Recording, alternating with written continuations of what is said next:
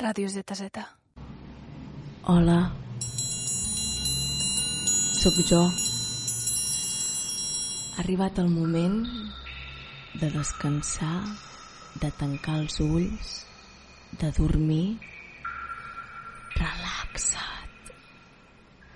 Sent una bola que puja pels peus.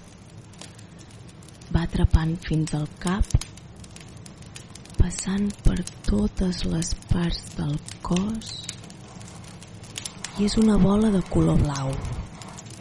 I et pinta per dins d'aquest color sense dolor ni fa olor com l'aigua que s'adapta a qualsevol superfície com la teva esquena en el matalàs i la teva galta al coixí i fas un ai. Ai. Un ai de xundit. Ai. Un ai repetit ai ai ai ai mareta meua que ja no m'expliques contes. Ai que ningú m'acotxa. Ai que em toco per adormir-me i tot plora. Ai. Avui blaveges m'han dit. És un estat més i m'he dit. Blau allau adeu-siau blau brau babau blau un cacau un clau au cap centau miau un rau blau blau blau blau blau blau blau blau blau blau blau blau blau en la immensa mar blava blau blau blau blau blau blau blau blau blau blau blau blau blau les mans no són el timó de la nau. Blau, blau, blau, blau, blau, blau, blau, blau, blau, blau, blau, blau, blau, perdudíssima en la mar blava. Blau, blau, blau. Sols penso en no tornar al teu costat.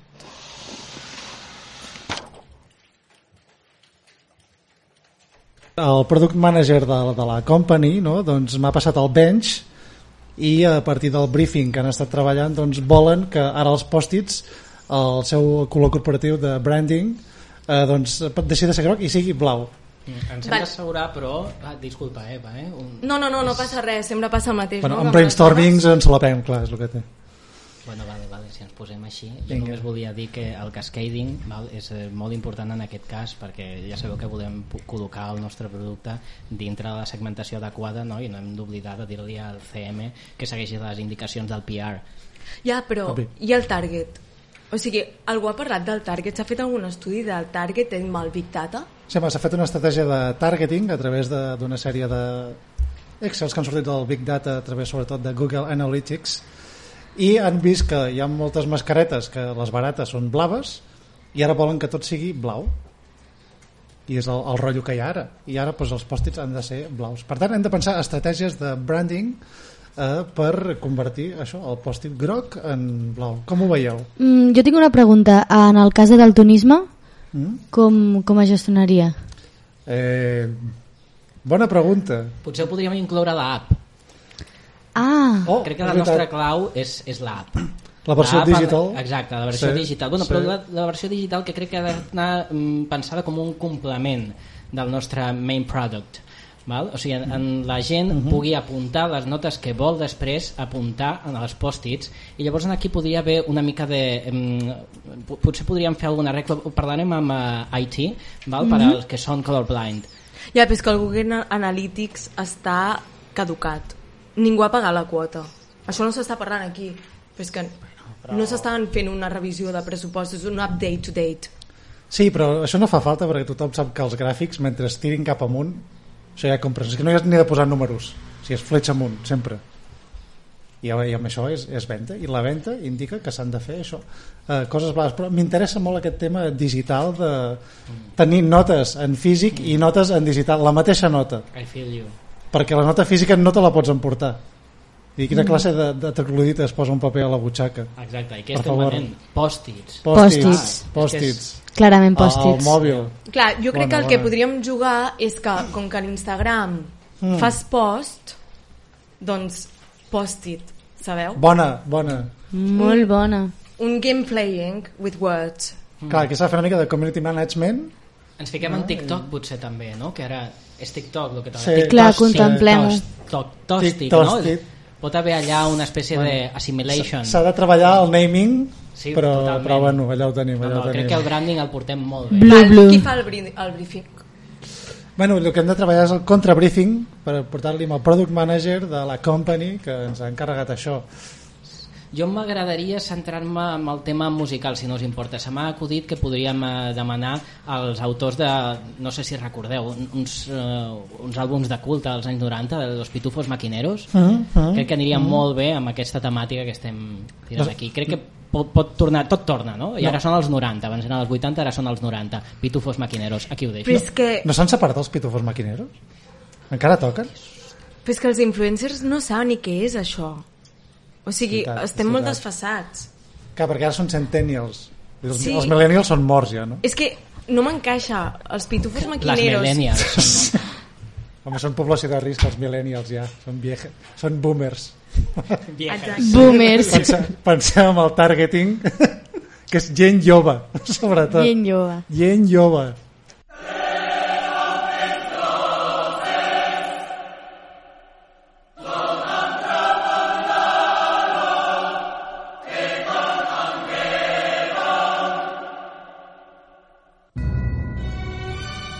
Pensant en pel·lícules blaves, eh, jo crec que, bueno, a mi almenys la primera que em ve al cap és la que porta de títol blau, concretament tres colors. Blau, la de Juliet. Sí, és la de Juliet. Sí, però no... Sí, és que no, no he vist les altres. Eh, Jo tampoc, la veritat. Vai. Jo tampoc. Jo sí. És que el blau ja estava bé, no? Diu, bueno... A més, Sí, una pel·li molt completa, vaig acabar i, i vaig ja dir, està. trilogia, pa què? Exacte. Clar, clar, tot en ello. Clar, perquè això ve de la trilogia dels tres colors de Kieslowski, Mhm. que són el blau, el blanc i el vermell per la bandera Ah, de la França. bandera. No? I la, Està com, tot- com tot era? a la La fraternitat? Ah, No, llibertat. Llibertat. I fraternité. fraternité. Ah, que és l'accent, aquesta es exacte. Es correspondria amb la llibertat. Aquesta és la de la llibertat. Però Ja. entesa jo crec una mica com a llibertat individual, Sí. no? Mhm. Sí, bueno, molt, molt des, de, des del rotllo Haneke també, no? Que és, que és com sentiments positius amb, des, del, des del dolor ja directament. A més la pel·lícula comença amb un accident, comença amb una família morta i la protagonista és aquesta dona doncs, que bueno, com, com supera tot això o com, com necessita superar-ho, quasi bé. Clar, llavors la I- llibertat la cèl·lula. entesa... És que, és que de fet el procés és aquest, no? que, que a la tia li, li sembla bé el que li ha passat, que és que se li mori la família, i a partir d'aquí com... Tampoc Bueno, ojo. bé. Home, ella està la mar de bé, passa que sembla que li sap greu estar bé i com que es va buscant els problemes. Tu creus? jo Jo, no crec... ho veig així. No. No. Endavant. És, és, a veure, és cert que és una tia bastant estoica, no? Però, Sí. però vaja, jo, jo no crec per res. Jo, de fet, la pel·lícula crec que és una mica com va processant el canvi que, el que s'enfronta, no? Jo crec que com a fórmula de supervivència, com que té un dolor terrible en el seu cos, mm, com tria no tenir cap mena de lligam mm. per no tenir vincles, no tenir uh, uh, afeccions, mm -hmm. no? I, i, I passa per... Bueno, paga aquest preu. És com no vull sentir dolor, doncs per tant no tindré cap mena de relació amb ningú. Sí que en realitat és un bloqueig, no?, de, Exacte. O sigui, de l'aferrament, no?, com que Exacte. diu, no em vull aferrar a res perquè això em causa dolor, clar. Que és com tot el procés, no? Que com, aconsegueix tornar una mica a començar a ser ella. Mhm. Jo ho veig així, vaja.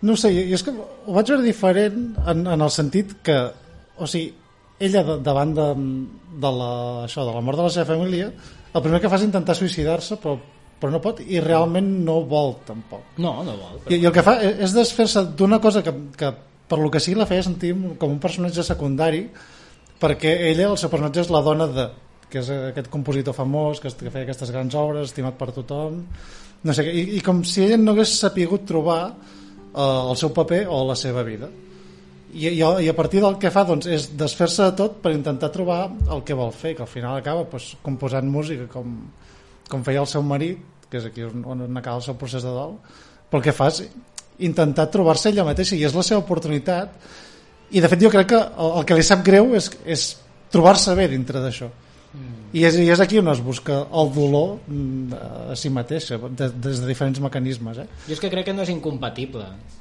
Mm -hmm. És a dir, allò de que no, no hagués trobat el seu lloc amb que a la vegada pugui estar destrossada pel que li ha passat. Mm. Per mi són coses que...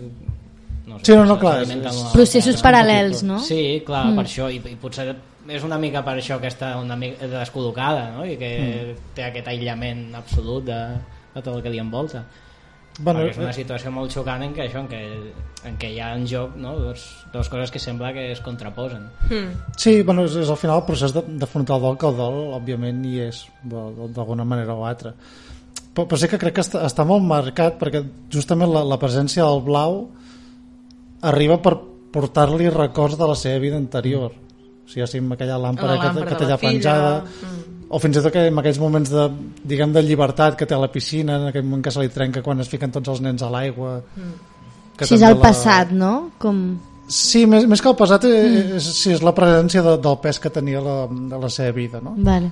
i com això doncs, bueno, li, li va arribar no li va tocant amb aquests reflexos de llum que vingui per un vidre però al final són presències que, que estan allà i que, que és on ella se sent incòmoda i fins i tot tots els records explícits del passat és quan hi ha aquells eh, aquells perons que de cop es torna a la pantalla negra mm. puja la música que sembla que hi hagi una transició però torna exactament al mateix lloc És, és, és molt xulo, jo crec que això és de les coses que més Sí. sí. m'agrada de la Sí. pel·lícula, que és com com expressa el temps subjectiu no? I, com, mm. i com utilitza més la llum i els enquadraments i tot, perquè hi ha molt poques pel·lícules que utilitzin d'aquesta manera la, la llum dinà- dinàmica, és a dir, normalment tens una escena il·luminada d'una certa, certa forma no? i potser doncs, hi ha un personatge que va a sobre d'una llum o, ha, o la coreografia fa que canvin com mm. està la llum respecte als personatges, però aquí mou les llums i això no es fa molt realment. No, no es fa- i- I, i- aquí ho utilitza d'una manera molt, molt maca. i a més és molt agressiu amb la càmera perquè és tota l'estona càmera a l'ombro Sí, hi ha de tot, però Ah, sí que és cert que hi ha molt moviment i però hi ha- hi ha molt moviments moviment. molt, molt ben calculats. i, i molt seguiment de personatge per això, per això és cridaner no? que fa estar fins i tot que la pel·lícula tingui una tensió que, que aparentment no,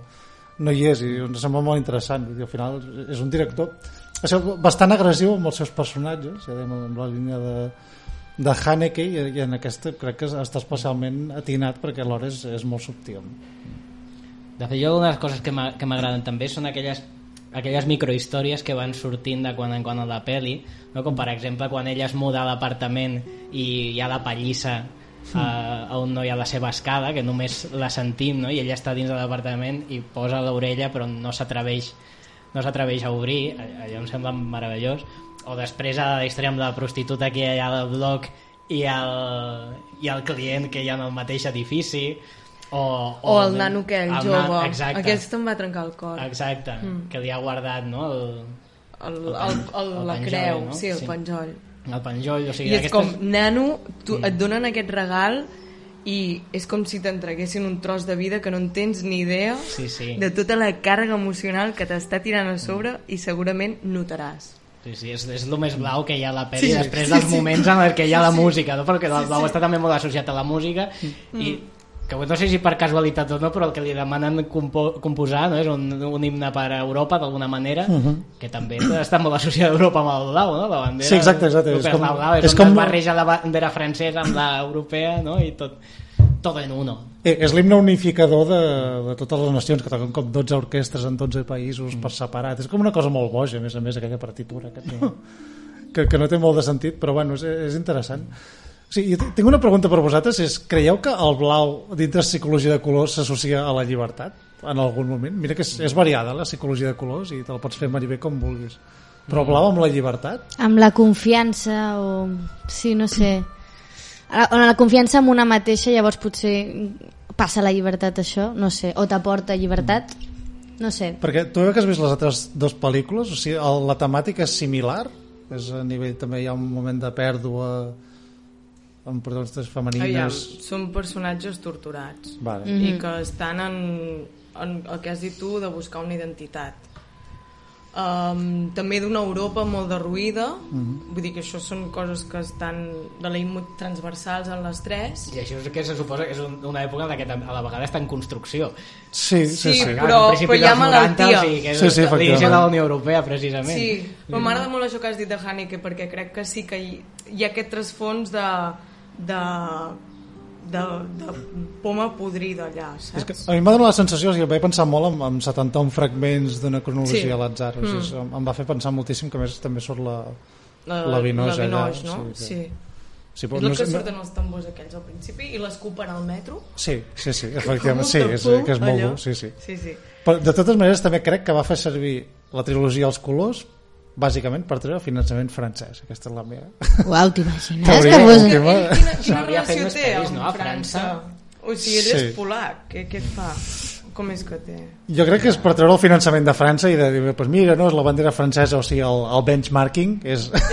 No sé, però jo en qualsevol cas el que respecto molt de Kieslowski és que és un tio ordenat. Que ja abans havia fet una sèrie de telefilms que es deia Decàlegs. Decàlegs. Abans tenia un díptic que era no mataràs, no amaràs. Exacte. I després va fer tres colores. I després es va morir que estava a mig, eh, a mig escriure una trilogia de la Divina Comèdia. Segur que tenia briefing. Vull que. I què passa? Li va donar un atac de cor.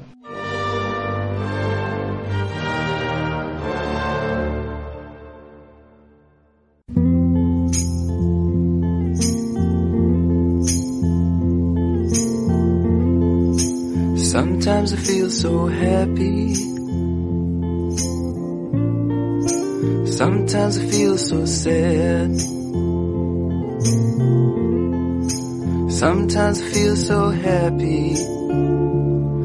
But mostly you just make me mad. Baby, you just make me mad.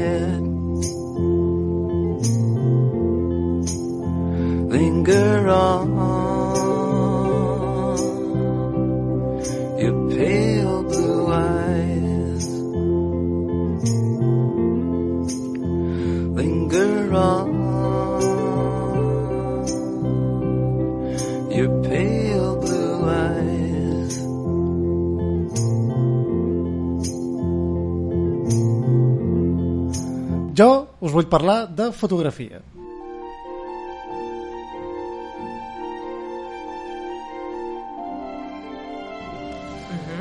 A veure, com bé sabeu, i és obvi, Ahà. el cinema s'explica a través de la imatge. Mhm. No? Hi ha molts elements de la imatge que serveixen doncs, per definir l'univers de- d'una pel·li. Si, per exemple, si fem una pel·li medieval, si no hi ha castells medievals, la gent es vesteix amb armadures o el que sigui, pues, què? És una puta merda, no? Possible. Home, sí. Bueno, pot És haver-hi mala molts, producció. molts anacronismes, també hi poden haver. Pot Que, ser Las obvi. von Trier. Sí, bueno, o fas una cosa completament eh, falsejada, com és un peplum romà, però bueno, i acceptes un codi, no? Però un d'aquests elements que tu pots fer servir per explicar una història és, òbviament, el, el color. O sigui, tu a través de la fotografia pots explicar històries i, un- i un dels elements que pots jugar és amb el color, amb, amb intencions dramàtiques ja, ja directament. No vol dir que li posis eh, un color, un, un significat, sinó que tu amb petites gradacions que puguis treballar eh, doncs, eh, bueno, pots, pots donar diferents significats i fins i tot explicar una història.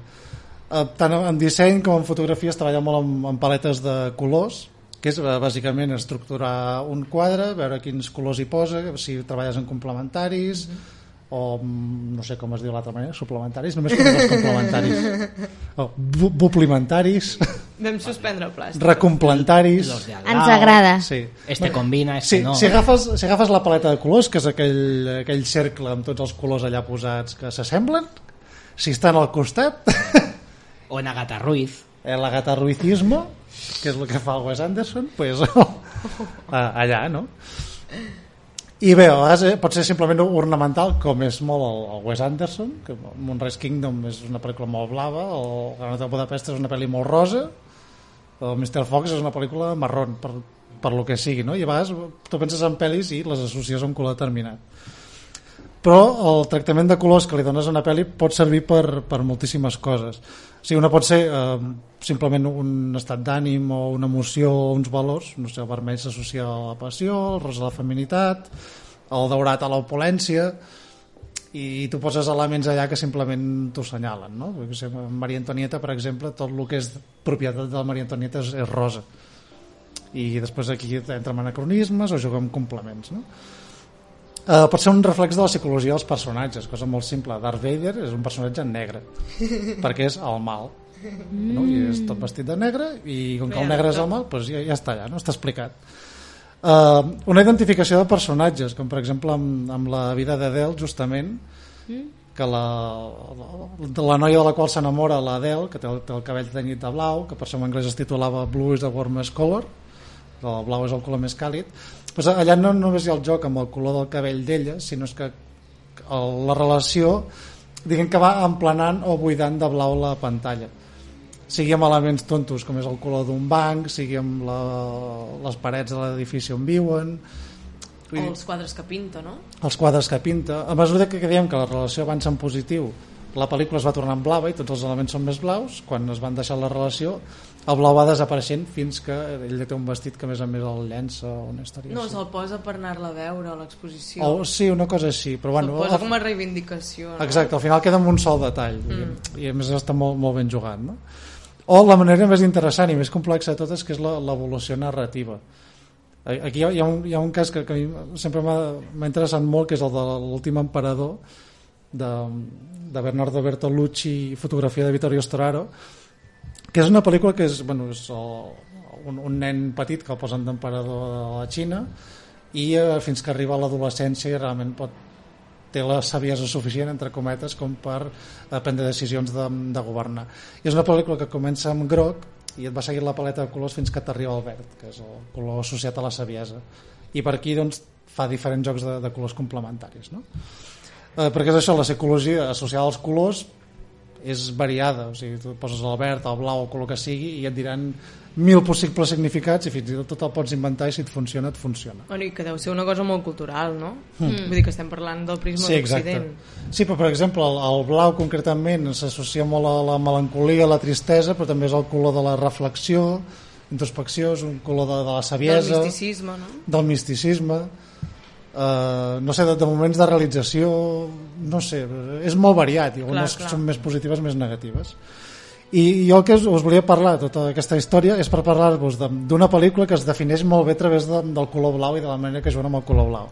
I aquesta pel·lícula és Atrápame si puedes, de, mm. Steven Spielberg.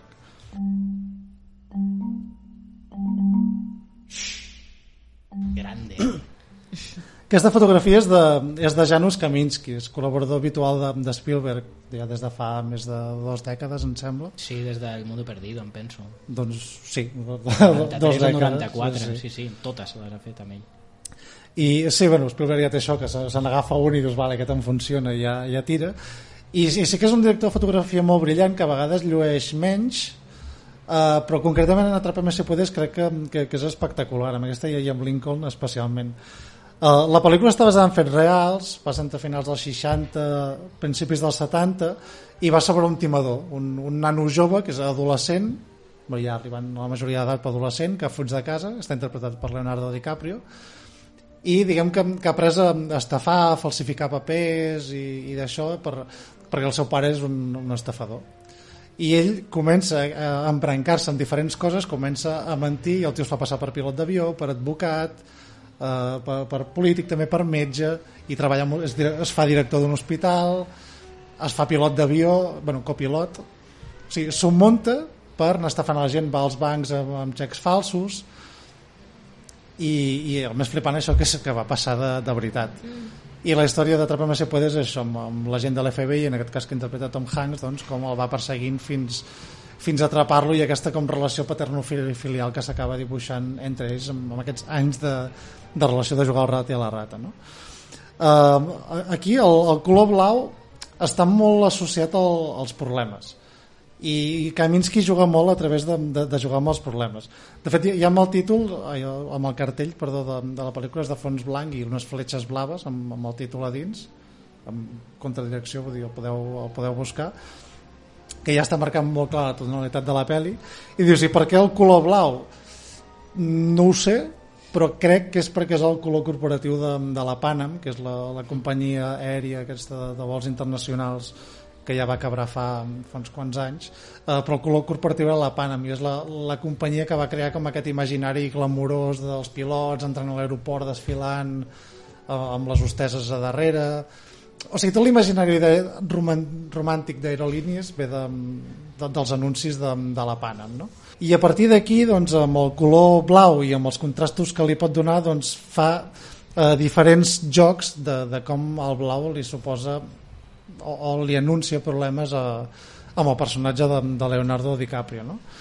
Uh, per exemple, quan, quan DiCaprio descobreix que, que, la, que la seva mare doncs, està enganyant el pare quan encara és adolescent eh, doncs hi ha una separació amb, amb la cuina, la dona està a la cuina, ella està al sofà i entremig entra un raig de llum blava patadíssim per la finestra. O sigui, és una, una separació que hi ha entre ells molt clara. Eh, l'oficina de la FBI que el persegueix eh, sol ser blava o perquè la retraten de nit o perquè hi ha un projector de que estan posant diapositives amb, els, amb el briefing del cas i tot està il·luminat de blau la presó francesa on, on l'acaben atrapant és completament blava o sigui, parets blaves, llum blava entrant per la porta uniformes blaus que no sé si les presons franceses són així però bueno, allà està exageradíssim sí, sí.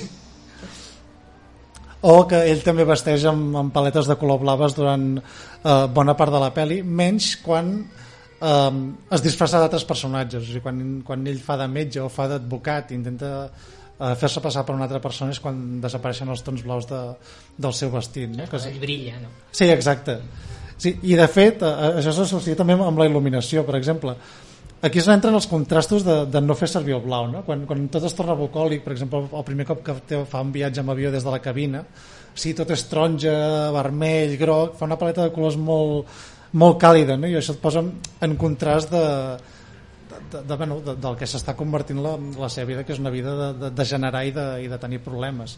Eh, totes les noies que va conèixer, les parelles que té, Amy Adams, Elizabeth Banks, tal, sempre les presenten amb colors càlids, elles també van vestides amb, amb paletes roses o, o també així molt càlides.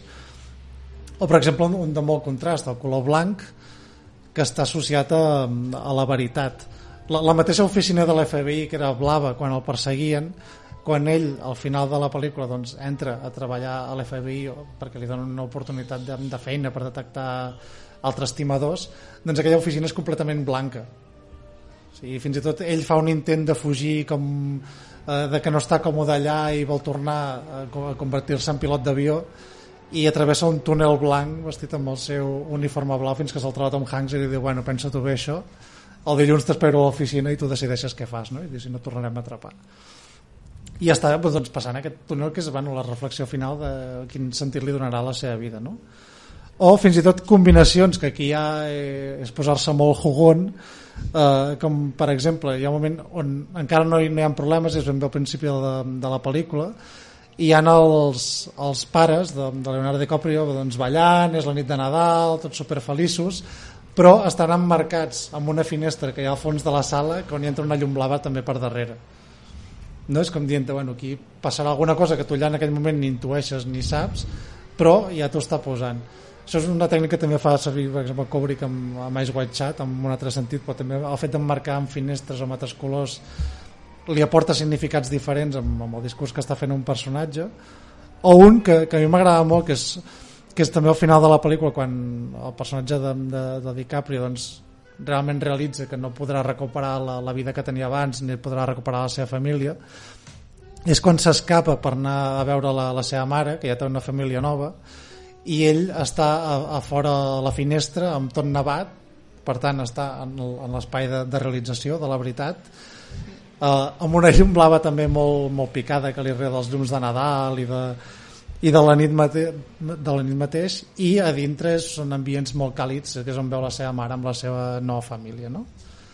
i a partir d'aquests jocs eh, ja sigui en aquest cas de Kaminsky o amb el que hem comentat de, amb el petit emperador és veure com a través del color i com evoluciona el color ja dic, sense veure imatges eh, sense veure actors, sense sentir diàlegs hi ha una història que es pot explicar i és una eina més de les moltes que, que té el cine com a, com a art narratiu no?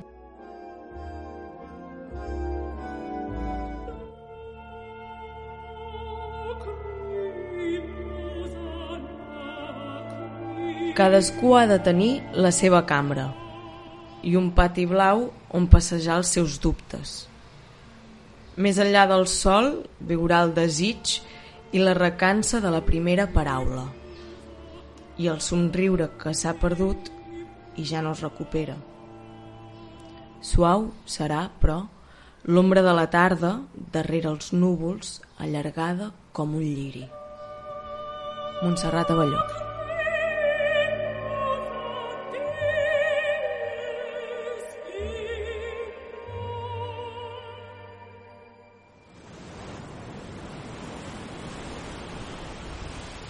Jo crec que per on, per on estem, per on hem nascut, no hi ha res que sigui més blau que, que això. y amontonado en tu arena guardo amor, juegos y penas yo que en la piel tengo el sabor amargo del llanto eterno que han vertido en ti cien pueblos de Algeciras a Estambul para que pintes de azul sus largas noches de invierno a fuerza de desventuras tu alma es profunda y oscura No sé vosaltres, però a mi o sigui, Mediterrani m'ha acompanyat des de la infància perquè era un disc que se sentia molt a casa meva uh -huh. o sigui que ho associo molt és que ja la portada mateix no? és blava, o sigui ho associa automàticament amb, amb el mar evidentment i, però, però té connotacions jo penso en aquestes cançons i, i em ve al, al cap no? a, a davant dels ulls se'm posa ja un filtre blau i, i em vaig sorprendre molt de veure que, que realment Serrat va protagonitzar algunes pel·lis què dius? Eh? Sí. per casualitat eh... amb Joaquín Sabina Do, dos policías rebeldes los gemelos golpeando dos veces wow. Tango y Cash Tanga y Cash Tango y Cash, tío Tanga y Cash naranja Resacón bueno. en Sevilla ah. pues no el, les va, les va protagonitzar la que vaig veure concretament va ser arrel de la Filmoteca. Vam fer un cicle d'un cineasta d'aquí de Barcelona que es deia Francisco Rovira Veleta. Uh -huh. no sé si us sona. No. a mi no em sonava. I de sobte, doncs això, vaig trobar una pel·li que es deia La larga agonia de dos peces fuera del agua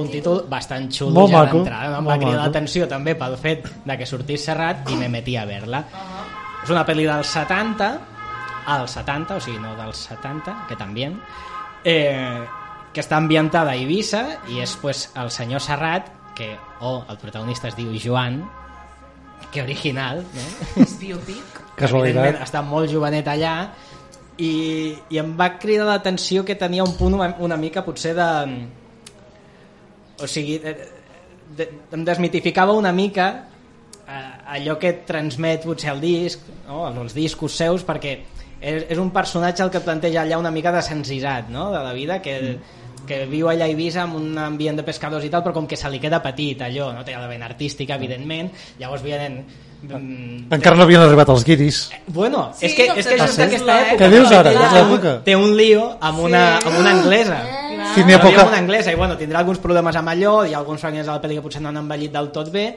Cine però apocalíptico, no? hi ha tot, Hòstia, eh, molt bé, bueno, d'alguna manera sí no, no us vull tampoc avançar gaire però la cosa va per aquí.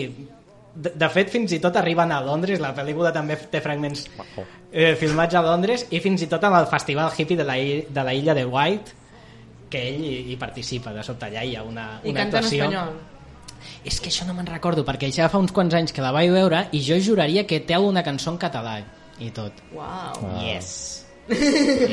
indeed Indeed. Serrat en català, tio.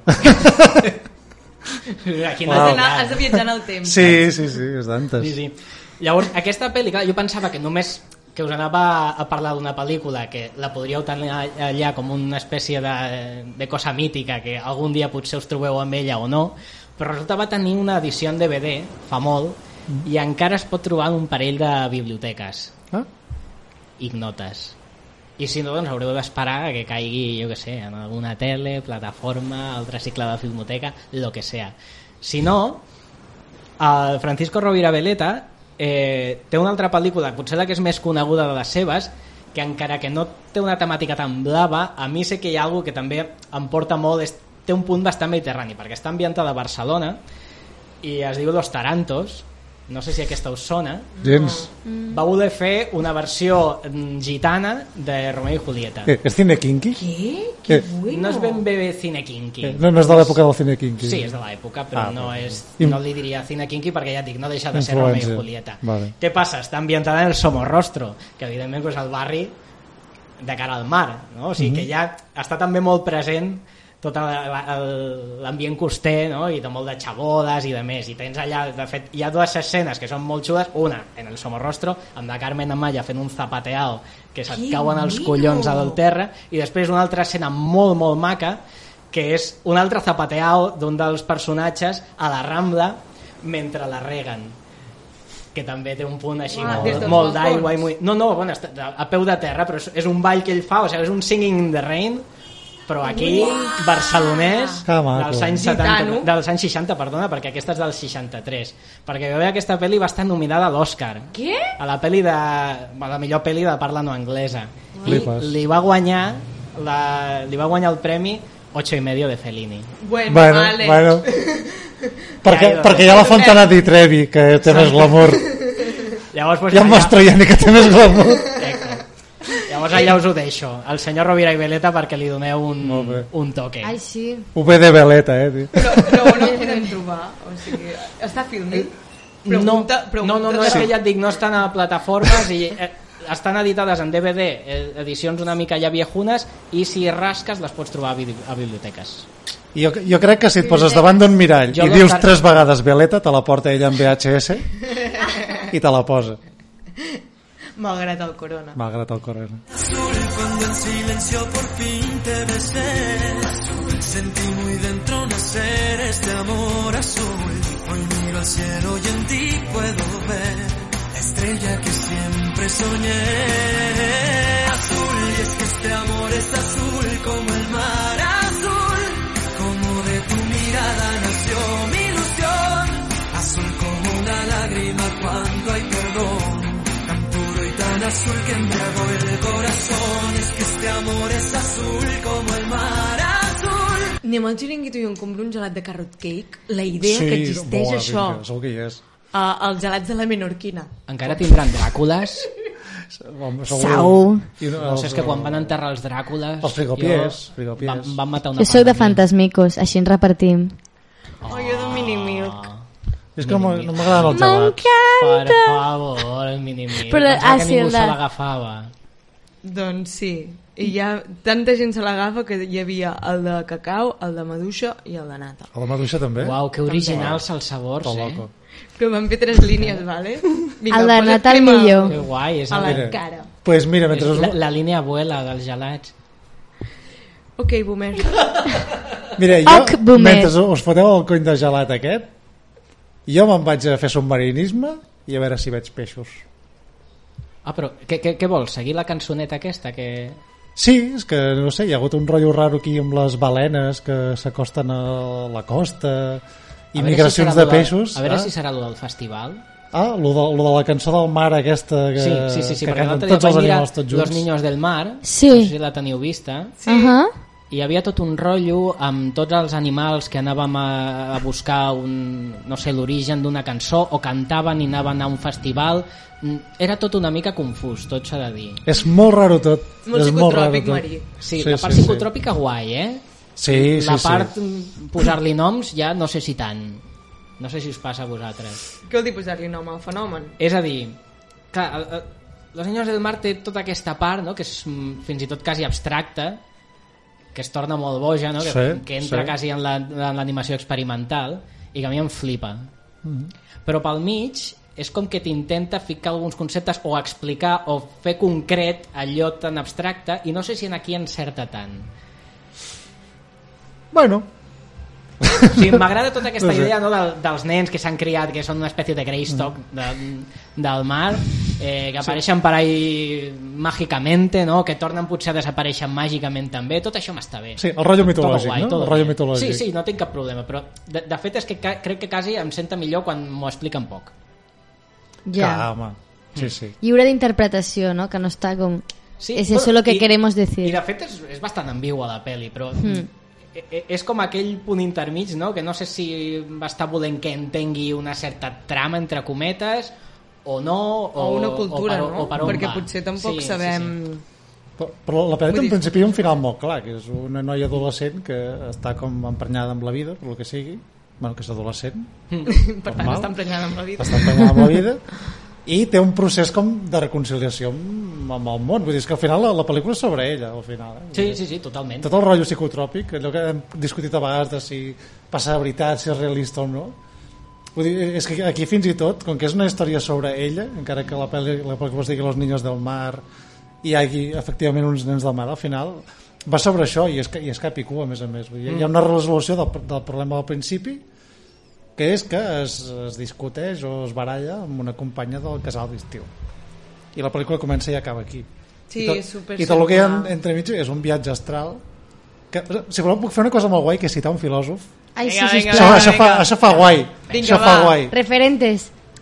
referentes, exacte, exacte és com influències claríssimes de, no, de, de, de Heidegger però, Kierkegaard. ah, ah, no, però en el mateix, en el mateix sentit que, que Malik amb, amb l'àrbol de la vida que és de, la, de la relació entre allò íntim i allò còsmic i de com una cosa ínfima doncs, es trasllada amb un problema a escala global, planetària i universal i espai temporal és que fins i tot aquelles, aquelles formes finals que és tot un cos nudo de persona, tot ple de galàxies Sí, sí, que és com tot l'univers fet en una sola persona Allò és meravellós. és una passada, allò és una passada Sí. I és la part, aquesta, aquesta és la part que a tu no t'agrada, precisament. Eh? Jo no he dit res. Estem a la ràdio. Ja, Fletxes. perquè Ja, t'has posat d'un blau diferent. s'està posant blau d'agafar-se a l'aire Ara i no. Això ha sonat superpitufo, eh? El que sí que és una pel·li que té un, un dibuix acollonant. O sigui, Sí. És semblar, i, I que quan l'animació es posa més radical, o sigui, és despampanant. Mhm. Jo- Imagina't el cine, no? Buah, ja veus. Uah. Sí, sí, no, no he tingut la sort. Jo no he tingut la sort, però realment com a Sí, espectacle sí. visual... jo la vaig veure al cine i, Girona. i us ho juro que olorava el, el mar eh? Oh. era, era completament una experiència Que sinestèsic. Sí, no, no, sí, psicosomàtic, sinestèsic ASMR, quasi. endocrímic eh, 4Deic... 4D 5Heico Ara ho posaran, eh, Bueno, als cines, ja, això, lo de les olors. ja, ja, pues, Era una mica ja és com menys profunda, potser, però jo vaig pensar immediatament en el Somos polvo d'estrella, aquell que va fer famós Sí, el sí. Carl Sagan, no? Al final parla d'això, no? Sí. Mm. No, I a més aquesta relació I tan maca amb els mundos colors però estan en este, saps? Tots a la vegada, tots a totes les escales, no? És lo guai, no? Perquè el, la, diguem, les estructures de l'univers es van reproduint a tots els esglaons inferiors fins a arribar doncs, la cèl·lula, no? Eh, Sí, és- sí. Tot és igual en realitat. Tu, tu miris a l'escala que tu miris. I em va molar molt també el concepte aquest de ja no és que l'univers estigui reflectit en cadascun de nosaltres, sinó fins i tot en les nostres històries. mm. Això em va semblar molt, molt maco. No, I de fet el joc que té amb els colors, perquè, o sigui, al final és una pel·lícula blava, és per aquesta relació íntima que té amb el cel i el mar i com els acaba fusionant en, en molts moments, tant, La tant quan de negra, dia, eh? quan és de clar, nit. hi ha molt d'univers allà. Bueno, i... però al final hi ha, hi ha, una fusió allà. Vull dir que quan és de nit, que fins i tot s'il·luminen aquelles algues eh, blaves, que de cop i volta es torna vermell i de coloraines... No sé, al final aquesta manera de, de barrejar un espai infinit i, i fer aquesta projecció, allò que dèiem, una projecció astral, doncs, doncs fa que sigui, jo crec que molt interessant i, i té molta riquesa a nivell pictòric ja directament. A més, de fet, l'estudi a mi em sonava molt, que era l'es- eh, l'estudio 4, 4 grados, o no sé com es diria, vés a saber en japonès com, com li diuen, com ho pronuncien, no? 4 degrees. I realment és que havien fet ja, o sigui, tenien bagatge en, en fer produccions que, que lluïssin. Sí, perquè, per exemple, van començar amb Memories al 95, que no sé si la coneixeu, és una, No. és una pel·li de- d'aquestes d'històries curtes, però que també destacava molt en lo visual. Van agafar tres directors i, bueno, i van fer tres històries curtes, però després havien fet Mind Game, Tekken King Cred, o sigui, pel·lícules d'anime que, que realment van tenir molta repercussió de, per com estaven plantejades a nivell estètic. I estareu d'acord que el que fa més riure, que s'agraeix moltíssim, però clar, això és una mirada enocèntrica, eh? Cuidao ahí, eh? Endavant. No, no, que, que a mi el que em feia molt riure és la sobrereacció de les actituds dels minigestos, saps? Sí, de, jo què sé, per exemple, que has dit eh, aquesta alga que eh, al fons, al fons del mar es torna lluent i el personatge si va bussejant per allà de cop i volta farà un Sí, sí, que. I, que i, i, hi haurà 400.000 bombolles que surten d'allà i, i, i puja amb una bombolla i, i és del Sí. susto que, de l'espant que ha tingut de, de veure aquesta alga o cau al terra no, no jo què sé, algú obre una porta no? i és com la porta oh! qui surt d'allà, saps? i és el seu pare hola Que és, és l'expre- l'expressivitat extrema de l'anime. El no? del pare a la pel·li. sí, sí. Quasi, quasi. Sí, sí. Arriba allà així que, eh? Bueno, sí, sí. Com ha ido el verano. aquí... Com la bellesa de l'exageració. Sí, sí, Sí, sí. això em feia... Vull dir que ho trobava molt agraït perquè tot és molt, molt poetitzat, molt d'alta elevació mística, no? I després tenir aquests, aquestes coses de la vida quotidiana tan sobrereaccionades Mm. era com, ai, que bé tan humans, saps? Mhm. Tan imbècils tots som, saps? Sí, i a, i a més, empatitzava. Sí, sí. a, a més mirades amb certa distància, perquè quan estem diguem, en la vida real doncs és, és més costumbrista, no? De, vull dir, la càmera estaria més lluny, Mm. eh, molt quieta, no, no hi ha punts expressionistes de que es comenci a distorsionar l'espai, com per exemple estan nedant per, per una peixera Sí. d'un aquari i es submergeix i de cop i volta allò té, és, és, és més gros que el mar Mediterrani Clar. saps? I, i és una peixera de mig sí, metro d'aquari. Bueno, o que submergeix una mica i, bueno, i està nedant a 300 per hora Sí. per corrents marines i dius, bueno, però on t'ha anat a parar, saps? Ja, ja. a la boia o què? Sí, sí, és una hiperbolització clar. constant. No? Sí, per, per això no sé, és, és molt guai. I a més et dona aqu- aquesta sensació de grandesa de, del que és el mar.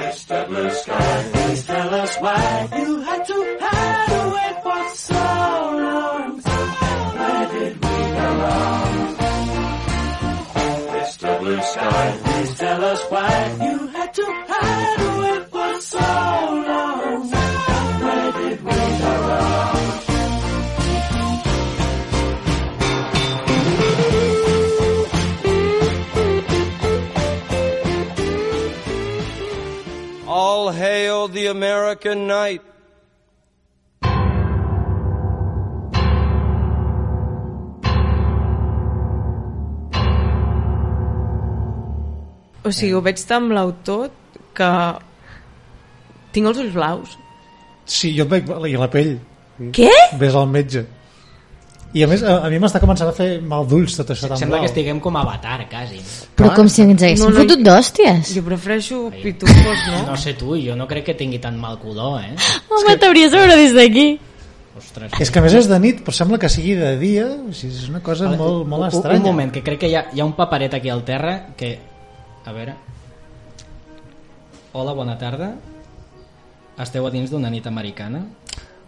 Tècnica de gravació utilitzada per simular la nit, consistent en utilitzar un filtre de càmera, blau si es roda en color, vermell si és en blanc i negre, i subexposant la imatge. Gràcies. Mm, Adenda! Eh? Ojo amb enfocar el cel i les ombres. Són traicioneres. Mm. Va, Està ja ho firmat? entenc. No, no, no, no. Bueno, Quin misteri. Jo crec que és... qualsevol que jo crec que està ja queda explicat, no? Sí, torna'm a explicar. Ara m'explica-m'ho amb les teves paraules. Clar, clar, és com el recurs aquest... Estem a classe, Doncs en, sisplau. en, en el cinema clàssic Sí? hi ha vegades que les escenes de nit Mhm. en realitat no es rodaven de nit perquè Mm, el vale. material fotogràfic no donava la, la sensibilitat que tenia no donava per obtenir una qualitat bona d'imatge durant la Sí. nit Havi- Havien de posar focus gegants com per il·luminar bueno, de nit. Ja. I no podien, si no, no, no Llavors el agafava pressupost, el, clar. el, bé la imatge. i llavors moltes vegades el que feien era directament rodar durant el dia Mhm. només que ex- exposant menys la imatge, o sigui, subexposant-la, és a dir, Sí. fent que a la pel·lícula entrés menys llum de la que deixaries Sí. entrar normalment, perquè ja quedés de base I una no mica fosc, granulat? i a sobre no, no, perquè tu diguem o sigui, estàs rebaixant una mica la informació que, que entra a la pel·lícula o sigui, com quedaria més granulat és si intentessis eh, gravar a la nit, perquè a la nit el que hauries de fer és sobreexposar perquè entri més llum Mhm. i llavors és aquí quan comença a haver coses rares a la imatge Vale. i queden artefactes estranys però si tu el que fas és que tens molta llum i deixes entrar menys doncs no perds informació de la imatge diguéssim. Clar. i a més d'això doncs posaven a la càmera un filtre blau per donar-li pues, el tonito nocturno que passa que clar, a vegades jo que sé si ensenyes al cel i veus allà els núvols superclars no? o arribes a veure el sol pues no cuela hi ha vegades que potser es veuen les ombres i també és difícil per molt que vulguis dir ah, és que clar, és luna llena no? llavors es projecten ombres però bueno, o sigui és un recurs delicat Mhm. però precisament el que em sembla curiós és que és d'aquells d'aquells recursos que et fan veure com realment eh, de vegades és necessari que hi hagi un entendiment no? entre qui fa eh, la pel·lícula i l'espectador que sap la eina que s'està utilitzant, l'entén i l'accepta no? perquè jo per exemple el primer cop o que jo tinc consciència de dir què està passant aquí no? i que fos una nit americana era American Graffiti Mhm. que és una pel·lícula que de fet ja està gravada quasi tota de nit o sigui que tenien ja els mitjans com per poder-ho fer de nit però hi havia una, un parell d'escenes en què utilitzaven la nit americana Que, que és quan s'està fent de dia. És, és, sí, és, ja, és ja encara cap a... crec que hi ha, hi ha pel mig altres escenes o sigui, hi ha un xoc realment Sí, sí, de hi, fotogràfic hi, hi ha un xoc perquè la- l'escena amb uns els que se'n van a fer margeres por ahí és amb la nit americana i uns altres estan de nit. Clar, clar, per això. Molt raro. I llavors jo en el, en el seu moment jo vaig dir, però què putrada és esta, no? Què, què està passant? D'entrada pensava, ah, vale, s'estarà fent de dia, però després en realitat encara anaven en unes imatges en què era més de nit i no entenia ben bé, era, per mi era com un defecte, no? O sigui que realment és un recurs que demana de que l'altre conegui el que estàs utilitzant i digui, vale, és, això és un estàndard, no? estem els dos d'acord que estàs utilitzant això i jo moments ho accepto. No? no sé si vosaltres teniu record d'haver vist aquest recurs en pel·lis, però O sigui, ara que ho has dit m'hi eh? fixaré, però no així... Sí, amb American Graffiti també és la, També, no? la, la, la, que, més- la que més recordo. Clar, la gent se'n recorda d'aquest recurs perquè hi ha la pel·li del Truffaut, que és La noche americana, Mhm. Que va sobre el rodatge d'una pel·lícula, no? en plan molt romàntic, no? de com, Mm. bueno, té una visió molt romàntica del que és un rodatge, de, de la feina en equip, etc etc i de l'intens que és tot, però que realment no recordo ara mateix si a la pel·lícula utilitzaven el, el recurs de la nit americana i jo diria que no. No me'n recordo. Pues, jo què sé, John Ford sí que havia fet servir en alguna pel·li el, el recurs de nit americana. En westerns jo crec que En, s'utilitzava en bastant. westerns es feia servir que quan era en blanc i negre no no es notava tant. I simplement això Mm. Clar, clar, bueno, més és baixa. que en blanc i negre, si de, de fet ni es posava blau, clar, com no estàs en colors, pues resulta que el que anava millor era posar un de vermell. Pues vale, Mm. és el que t'enfosquia o et donava una qualitat a la imatge que podies assimilar més potser doncs, allò una mica platejat de la nit, de la llum nocturna, no? I després, a l'última pel·lícula que jo recordo haver vist de la nit americana, però en versió hiperestilitzada, és a Mad Max Fury Road Sí. que de fet això hi ha una escena que és nocturna que en aquest cas, en comptes de, penso que en comptes de subexposar la imatge, o sigui, directament la van sobreexposar, o sigui, van deixar entrar més llum de la que d'entrada faries en un cas així, però com ja estem tots a l'era digital en què pots manipular moltíssim la imatge, doncs podien després jugar amb això per no perdre detall i, i, i li posaven també un filtraco blau que també ajuda que tingui aquest aspecte no, de, de, de pel·li o de cinema temporal i que no sé si està fet també pensat en la versió que van fer en blanc i negre. És que està pensat per la versió en blanc i negre. Sí, exacte.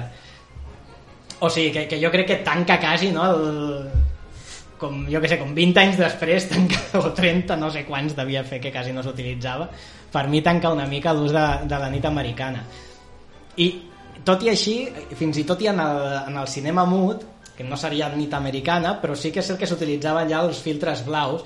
No sé si heu vist, per exemple, Nosferatu. sí. Mm. Ah. Segons les escenes utilitzaven viratges de color en la imatge, doncs, doncs, segons l'ambient en el que estiguessin o com la sensació que volguessin que transmetés la, la pel·lícula.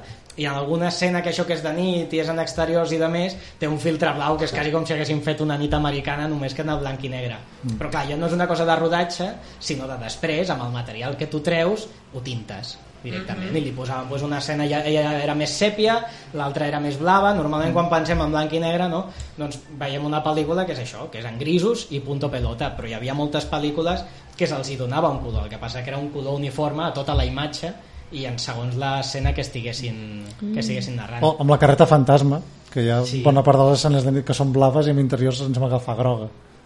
I Sí, és així de, sí, de o sigui, és simple. un no? estil Sí, sí. també, sí, sí, entre els sèpies, els, a vegades rosats, el, Mm. el blau, el mate, els mateixos grisos, Sí. però sí, sí, el blau, des de siempre y para siempre.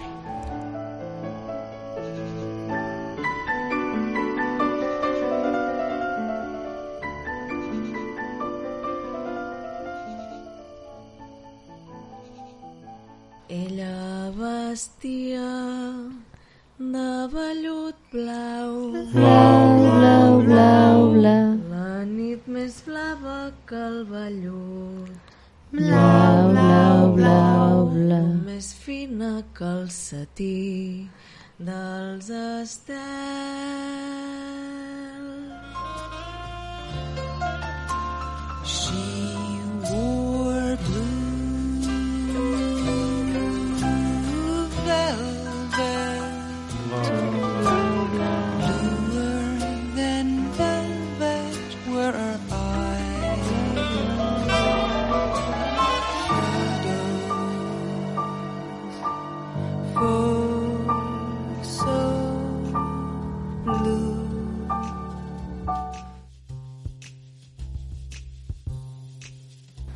En sèrio tornem a estar aquí?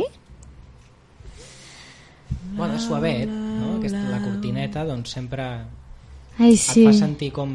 El que té, té algo, té algo que és diferent de l'altra És vegada. uh, avellotada, és avellotada Sí, aquesta. a veure, Però posaré la gal... Sí, bueno, i, Però i és de color blau, és? l'han canviat, l'han canviat. Ah, perquè la llum és diferent, clar. Sí, ja, ja, ja no Era està vermell molt... abans. Sí. Ah, I, i, i de a més ha- han canviat el terra i han posat aquí com una mena de, de bar musical mira, part de la cortina Ah, sí, sí. eh? Que Veus- moderno. veus quanta gent trista que hi ha aquí? Ja, ja, tots amb una copa a la mà. Sí. Per què porta perruca aquesta dona? perquè és gran, jo que sé Jo la veig molt melancòlica. sí, home Ja. Hola? hola, estàs bé? Ei, què tal? que estem a dintre la, la melancolia de, Sí, del vellut blau sí, és que m'agrada tant la Julie Cruz. O sigui, la... la Julie Cruz, que és, La que té can- a veure amb... Hòstia, Bueno- imagina't amb, amb Tom Cruise amb una, O sigui, és amb la... la perruca. Tio. és el nom del personatge eh? No, és, No? és el nom de... No, no, no, del, La can- de la, la músic de veritat ah, home. que, que sona en moltes pel·lis de Lynch i no sé Ah. si sabeu Blue Velvet, Sí.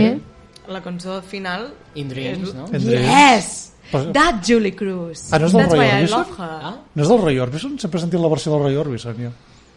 No, no, però No. aquesta és la, la cançó del final, eh? No, no la de Blue Velvet. no, no, In, in Dreams jo sempre he sentit la versió del Roy Orbison No, no, no, no, aquí no, no, ja... no, no, no, bé, pot ser Jo pot no m'hi fico. Però podria ser una altra de les ambigüitats. Uau. Les que trobes quan t'enfrontes a Lynch. és un desdoblament de personalitat de Julie Cruz que eh, es torna a Roy Orbison en un moment dado, no? Funciona així, podem, no sé. Bueno, de fet, a més, és que a les pel·lis del Lynch ja, passa això, no? de que un personatge de sobte pot ser un personatge diferent, o sembla que, mm. que quasi el personatge és l'actor, l'actor el personatge, no sé, i ten- tenen diverses capes eh, o diverses bueno, facetes. Mm, La- L'actor no és el personatge, és l'actor és Kyle MacLachlan, que sempre és l'actor. Oh, que que, que és, és una meravella aquest home. Jo estic enamorat de Kyle MacLachlan. No sé com es diu, en realitat, com es pronuncia. No sé, però a mi Blue Velvet crec que és de les meves pel·lícules preferides de Lynch, si no la que més, eh? O sigui, és la... O la, la que em va impactar més, eh, segurament, quan, quan la vaig veure. Mm. I per, perquè és, també és, és bastant accessible i és, també suposo que la vaig veure de, de bastant jove i els personatges són joves també no sé, mm. Aquesta és una història de descobriment no, al final i crec que el fet de que tu acompanyis aquest noi jove en el seu viatge pel, pel món de la nit que bàsicament és això doncs no sé, em fascina molt. I a mi em fa molta gràcia més que ja comença li vaig començar a veure aquest joc que fa amb els tempos Sí. de d'amb quin ritme parlen els personatges les petites pauses entre que un parla i l'altre respon de vegades, com es mouen que, Mm. que va ficant doncs això, petites alteracions al que tu estàs acostumat a veure una pel·li que li dona aquesta atmosfera no? una al Mm. Bueno, final, no? que és la estranya, marca de, sí, sí. estranya I, i en aquí ja, ja es comença a veure jo crec que no és tan exagerat potser com en altres pel·lis que ha fet després no? o, o sèries Mhm. però, però ja surt No, és que de, de fet aquesta pel·lícula que, que jo crec que defineix bastant el que seria la, la seva carrera eh, no sé si venia de, de Elephant Man en aquest cas o sigui, penso que sí que és l'anterior però, però aquí comença aquesta semitrilogia no? amb, amb Cordón Salvaje amb Carretera Perdida que sí que ja defineix completament el, el seu estil no? i aquesta marca molt a més amb, amb una història bastant personal i, i quasi ben fent un, una adaptació apòcrifa de, del Mago de Oz. Que, ostres, no m'havia plantejat així. És, bueno, és que és una influència molt clara la del Mago de Oz amb molta filmografia seva. Perquè al final com a història que l'interpel·lava molt de, de petit amb ell i amb, i amb moltíssims americans però per exemple, o sigui, recordeu el Mago de Oz que és la Dorothy que mm. va a Kansas i ve el remolí i se l'emporta al món d'Oz contra el qual s'ha d'enfrontar amb una sèrie de coses fins que torna amb, amb un aprenentatge assumit no? i aquí és el mateix que fa que McLachlan que en el moment que troba l'orella que més entres a l'orella en forma d'espiral que seria com l'equivalent al tornado entra en aquest món de la nit o sigui, des descobreix uns personatges que els comença a seguir eh, es troba tot de bitxos raros de- d'aquell univers eh, misteriós i això li fa doncs, assolir un aprenentatge que és tan senzill de com que el món és un món estrany fins que aconsegueix sortir d'aquest món de la nit i tornar al, a la vida normal però amb aquell punt de perversió no? que és Sí, aquell perquè- ocell del final Clar, amb- exacte, Ja. perquè és que amb realment és l'insecte, no? fictici, és de normalitat fictícia, no? Sí, Precisament sí. el que passa és que ja en el, en el món normal et pots tro- trobar, només a l'inici de la pel·lícula, les primeres imatges, Mm. Sí, ja hi ha coses la- rares, sí. allà, ja comença amb el, amb el cotxe aquell de bombers que el senyor et va saludant, Sí. després me'n recordo, surt a passejar a la nit, hi ha un senyor passejant el gos que estan completament quiets, Mm. allà que molt, molt estrany, i això és abans d'entrar no? en, aquest, eh, en tota aquesta aventura. O sigui, d'alguna manera, a més sí que és que, eh, enganxant el que deies de- d'Oz, sí que és veritat que aquí d'alguna manera veu durant un temps, no? durant tota aquesta experiència, el que hi ha darrere la cortina. exacte, sí, sí No? Eh, és el- és l'altre nom molt misteri que de fet amb Mulholland Drive ho recupera perquè és amb la caixa blava el, i aquella mena de pitufos blaus que, que apareixen al, a la casa això Mulholland Drive eh? Que allà és quan fa el canvi i fem el, el canvi de personatge també i... Però... I ja se va, se va. sí, i, i, i se li en va no? I, i, i també ho fa amb un objecte blau no? el fet de, de traspassar cap a, cap a un altre món que, que és això, és, és més misteriós i que és un reflex de, del món real vull dir, està ocult entre el món real és com és el Black Lodge a Twin Peaks és una altra dimensió dintre de, del teu univers de la, mateixa, de la mateixa manera que hi ha aquelles cuques sota la, la gespa de, de perfecta no? Sí, però la gràcia és que a la vegada tot aquest misteri el tens a davant, no? només has de rascar Mm. una mica i de sobte comences a veure darrere la façana mm. tota aquesta realitat paral·lela de que normalment no estàs veient i de fet és que quan torna te n'adones que te la posa molt de plàstic perquè és això, hi ha aquell ocell que és un, que és un ninot clarament que dius per què ho posa això? Pues, bueno, perquè és que t'està dient aquesta façana això és, és, és, és, és fictici o sigui, hi, ha, hi ha algú molt més estrany i molt més Sí. subterrani no? darrere de, de tot això encara que vulguin fer veure que allò és la normalitat Per- perquè li agraden les estampes aquestes de, de l'Amèrica bucòlica, bucòlica, no? sí, sí, sí. mateix. Eh, per cert, un incís, uh, quan he dit Julie Cruz que has dit In Dreams, no, no, no, és Mysteries of Love. I Ah. correcte que In Dreams és de Roy Orbison. ostres, fe de rates Té de rates pues ja, a més em, em fa molta gràcia que eh, aquí hi ha com molts elements que al final res, són motius visuals quasi, no? però em va fer molta gràcia que, que hi ha molts motius que després surten a Twin Peaks, no? perquè hi ha tot el tema És de la fusta. clarament. fusta per Clarament. abajo, el diner, el club nocturn, bueno, el mateix protagonista, Sí, sí. Mm. no? tot el, el, el vellut també, o sigui, La, ser de la poli, no? Vull dir, exacte, Sí. sí, sí, sí, investigador. Sí, sí. no, clar, com es exacte, diu? el- Investigador no... Eh... Detectiu. Detectiu. el misteri, no? també d'aquests joves que tenen un, també dues cares, no? perquè també el seu personatge Sí. no deixa el tenir una part fosca Sí, o sí. sigui, que és més del que sembla del que en aparença és Mm. i, i, i hi ha una per exemple és que està molt xulo perquè sempre et fica detallets que si et pares a mirar el que hi ha en segon plan o en un raconet o, o a on para la càmera sempre veus coses estranyes que és el que fa especial jo crec la, la, la pel·lícula i hi ha un detall que a mi em va deixar molt, molt pillat que és el, el protagonista el primer cop que es vol infiltrar a l'apartament de, la, de la cantant el que vol fer d'entrada és obrir la finestra, no? entrar, entrar a l'apartament, obrir la finestra i així poder entrar des de fora de, més tard. Al final no ho fa, agafa la, unes claus i aconsegueix entrar amb claus i s'amaga dins de l'armari. Mhm. Més endavant a la pel·lícula, quan està ja que, que ja es coneixen i li fa diverses visites, hi ha un parell de moments que passa la càmera i es detén un momentet en la finestra i la finestra està oberta. I clar, tu podries dir, bueno, té la finestra oberta o això bueno, és simplement un guinyo o el que tu vulguis. Però et deixa allà una sensació estranya que jo Sí, sí. no deixo de tenir la sensació de que hi ha algú dins de l'armari veient-los. Eh? Que bo. Sí. Jo, jo tenia la sensació que hi havia algú mirant l'escena des de dins i tu No, mai arribes a veure ser. si a dins de Sí, sí. l'armari hi ha algú que els està espiant o no com Sí, ha sí. fet ell mateix Clar. És que de fet l'En juga això, o sigui, ell crea um, coses estranyes però no per generar significats, vull dir, s'ha negat mai a interpretar les seves pel·lícules. Ell suposo que té la seva idea de per què fa les coses, però a vegades segurament ho fa per, per És jugar molt simplement. instintiu, eh, jo crec. És molt instintiu. ell té molt d'allò de... De l'inconscient. O sigui, Mm. Sí, és, és allò de, de, que una idea potent. O sigui, simplement és algo que ell sembla potent i que arriba a alguna part del subconscient o que li toca, no? I Mm. simplement jo crec que la trasllada allà. De, de totes maneres, sí que, sí que té molts motius que, que li fascinen, o sigui, el tema de, del món de la llei, l'Amèrica rural, eh, el que comentaves de, de la fusta, eh, està molt present a tota la seva filmografia i està relacionada amb la paternitat, perquè el seu pare és fuster. I, i, i ell mateix ha Ell és practicat, molt de taller, també. No? ha, ha practicat molt amb la fusta, ha treballat molt amb, amb fusta i amb art, i, i, de, i de fet, eh, concretament a, a Blue Velvet, el, el camió de, que va amb els troncs i tal, però pues, també em sembla que no, hi ha un moment donat que el condueix fins al personatge de, del Dennis Hopper o que, o que allà quan, quan, quan s'amaguen està en, un, en una serradera o una cosa d'aquestes Sí, bueno, sí que, sí que és cert que quan el segueix fins a una nau hi ha, algun, hi ha una, que és també una d'aquestes coses rares, que hi ha una projecció de llum i es veuen moure unes màquines i sembla que podria ser un, una serradera Sí. o potser, no sé. però amb, amb Twin Peaks també la presència està relacionada amb figures paternals o amb carretera perdida que hi ha un moment que també apareix un tronc cremant també és un moment de, de canvi pel, del personatge que és quan es converteix justament en aquell personatge més adolescent i és com, bueno, aquí crema la, la teva part adulta, diguem, i et tornes en un personatge més, eh, com ho diria, mm, més reduït o que encara ha d'evolucionar, no? Perquè en el cas de Carretera Perdida sí que fa aquella involució cap, a,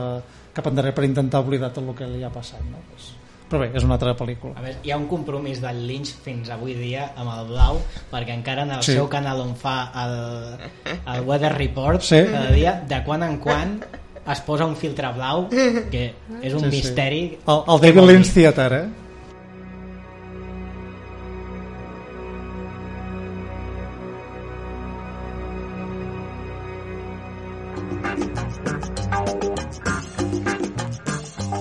Tenim aquí el qüestionari més curt de la història. Eh, Està basat en tres preguntes, mm, digueu-me convencional, la regla dels tres, Mhm. i hi han tres opcions. I tenim una hora per respondre a cada pregunta.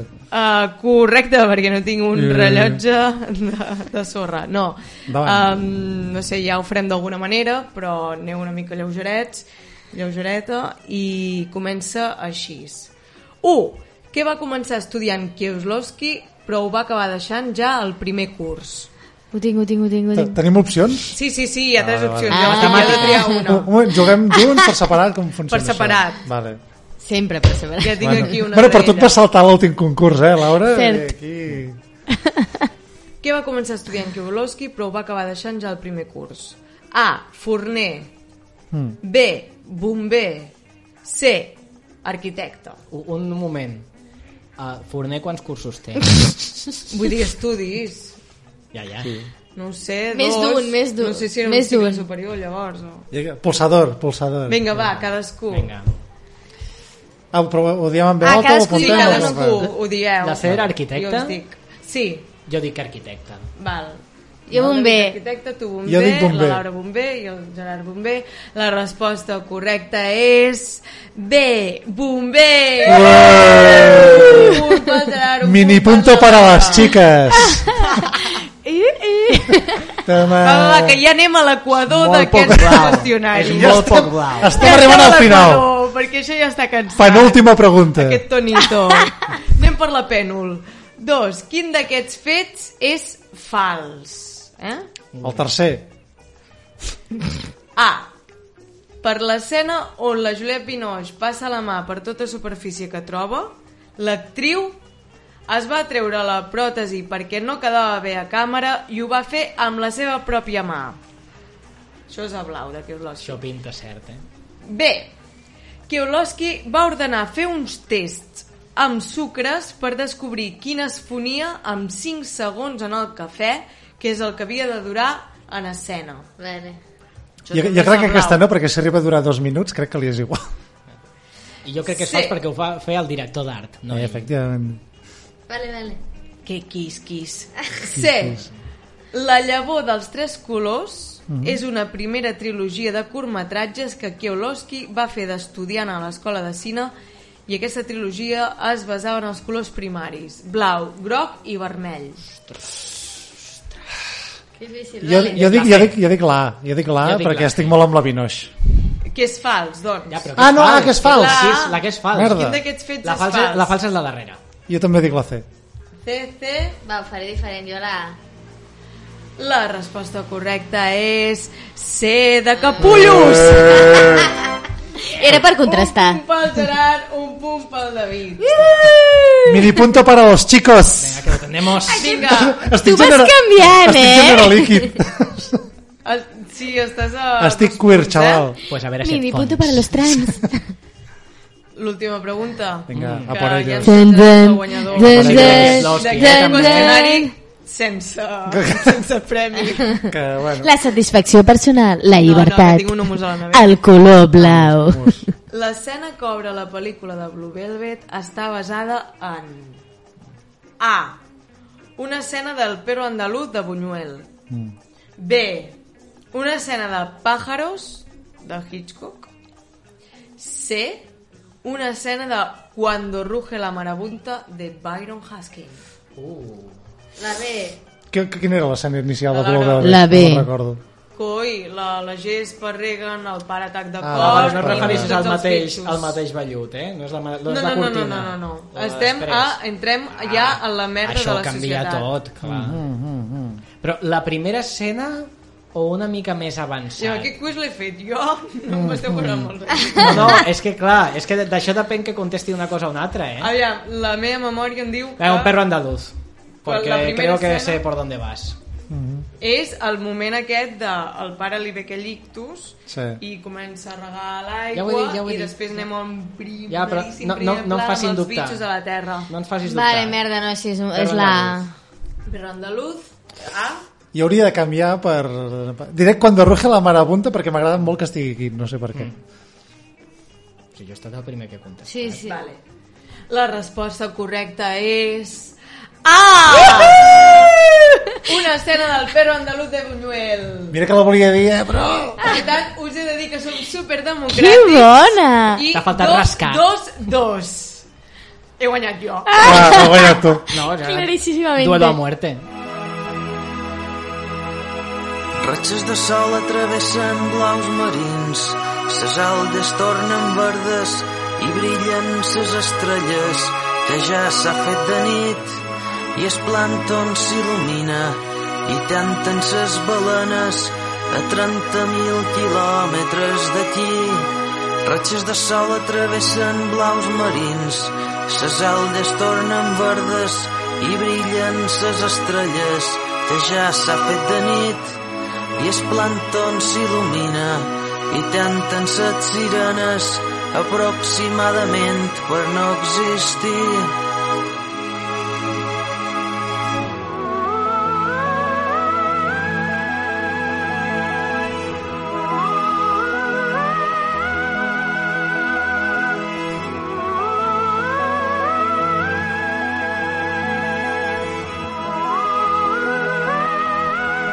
Batiscar fos socialista redactant informe tràgic catedràtic Yuri Puskas a Institut Oceanogràfic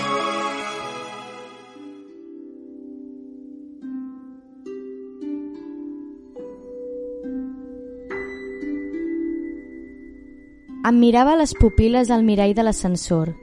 Com més m'apropava, més s'eixamplaven. Tenia els ulls desubicats. Intentava mirar profundament, però em marejava. Què era el que em mirava quan em veia a mi? Encantada de conèixer-te, Paula. Em picava la planta dels peus i una formiga em sortia entre el dit gordo i el següent. M'espantava la idea que cada cop em mengessin les ungles i quedar-me quieta allà sabent on volia anar però sense poder moure'm. Vaig doblegar els genolls i em van cruixir.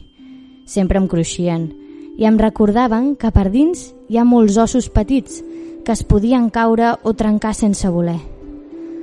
Els cartílegs me'ls imagino com xiclets, perquè no els mastegaria, se'm quedaria, se'm quedarien entre les dents i després em faria cosa parlar.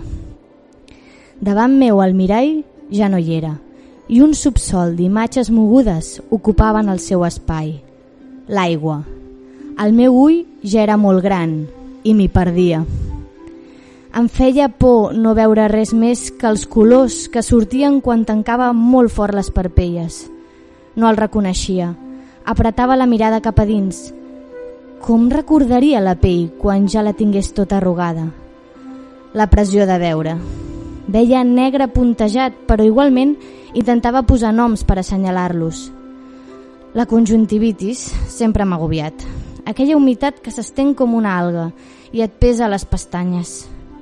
A l'altra banda de l'aigua, la forma del meu cos es modificava cada vegada que intentava definir el que hi havia. Una part del cos se'm doblegava. Oloraven a podrit les parts de mi que no mirava. A través de la vitrina em fotografiaven. Volien sempre congelar-nos en la imatge, però no podien. Allà sí que ens posaven cartellets a les vitrines, dictaminant qui érem. Feia gràcia com s'ho creien.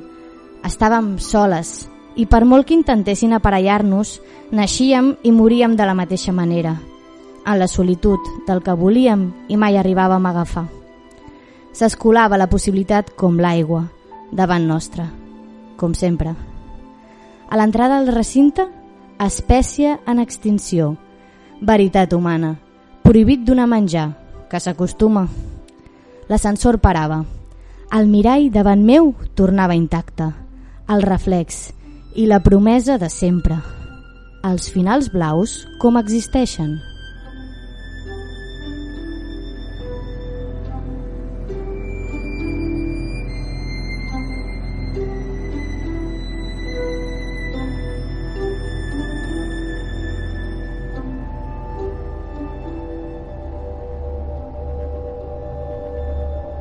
Se m'ha acudit una cosa molt tonta, però tinc ganes de provar-la i en com està la nostra improvisació.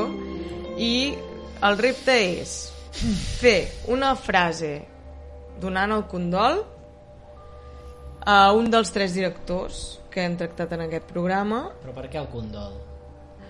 Pel blau, no sé, ho vaig relacionar així. Serveix donar ànims És irracional. així en general o no? no. sí, ànim, sí. No, i també ànim, sí, sí, sí. Però que sigui com... L'acció és que l'altre està alicaído. L'altre està blau. Està Està blau. blau, Ens sentim caído, Sí, l'altre que està dejar blau. I tu, tu estàs més Sí. verd, no? tu estàs Llavors més verd, t'ho pots sí, permetre. Tu estàs més rarita. Clar. Sí. Vale, vale, vinga. I no, però també el Bert has dit que era a tu, de la saviesa, Gerard. No, no, Sí, ah, sí, vale, sí, home, sí. això amb en Bertolucci. En eh? Bertolucci, sí, sí, amb l'emperador. Perquè, perquè sí, ell ho decideix. Sí, sí, val. Sí, sí. Doncs això, uh, algú està blau, tenim una persona blau al costat i li direu, aquesta persona és o Lynch, o sigui, bé, fas, vale? Bé, o fes, Lynch, tio. o Watanabe, o Kielowski, Mhm. val? I, I la frase l'heu de crear amb aquestes tres paraules que us diré. Vale. Crec que jo també jugaré, val? que vull jugar. Hombre, Oye. evidentment. Vinga. Les paraules són Les té preparades, les seves. No, no, les he fet super random. No, no, no, jo no m'he preparat res. Pa. Onada. Barbacoa.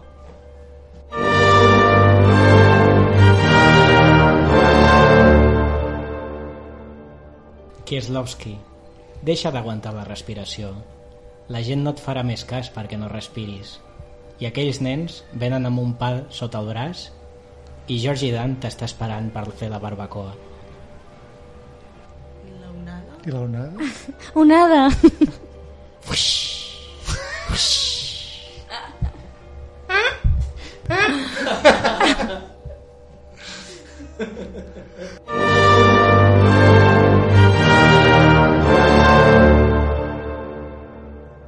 Vale, jo Lynch, vale? Hòstia, encara no he pensat. Ah, eh, som molt listos. Ja, tia. Diu, a Lynch, et diu, posa el tros de pa a la barbacoa i la onada del dolor serà més lleu. Jo anava a fer el mateix.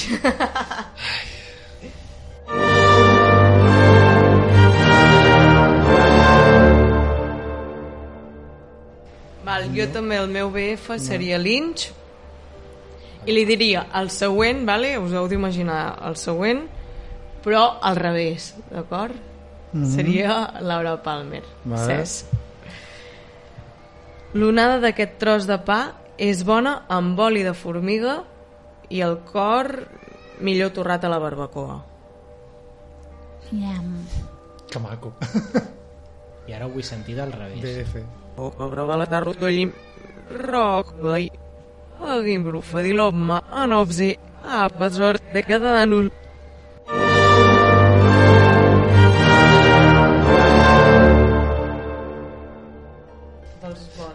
No. Descalificado. Va, fe- fem una per Lynch, a veure com sale. També. Vale. Fàcil, Home. eh? No, O de Lynch. Watanabe. O de l'Inch, eh? El Lynch és, és BF, tio. L'estimem.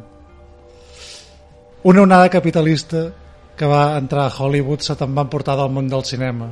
Però allà on estiguis, l'olor de pa provenent de la barbacoa que vas construir amb les teves pròpies mans és aquella olor que et porta a temps millors.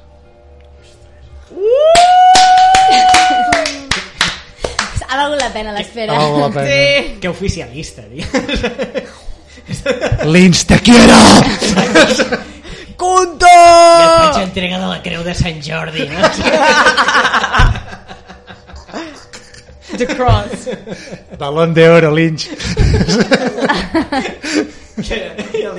Hola, chavalada, soy Mao. Hòstia puta, un todo de cop. jovencito las frases y tal, no he podido evitar ver eh, que No. lleváis mucho rato, pero mucho rato, muy pesados, Sí. hablando del azul. No sé si os lo han dicho, el azul es mierda neoliberalista.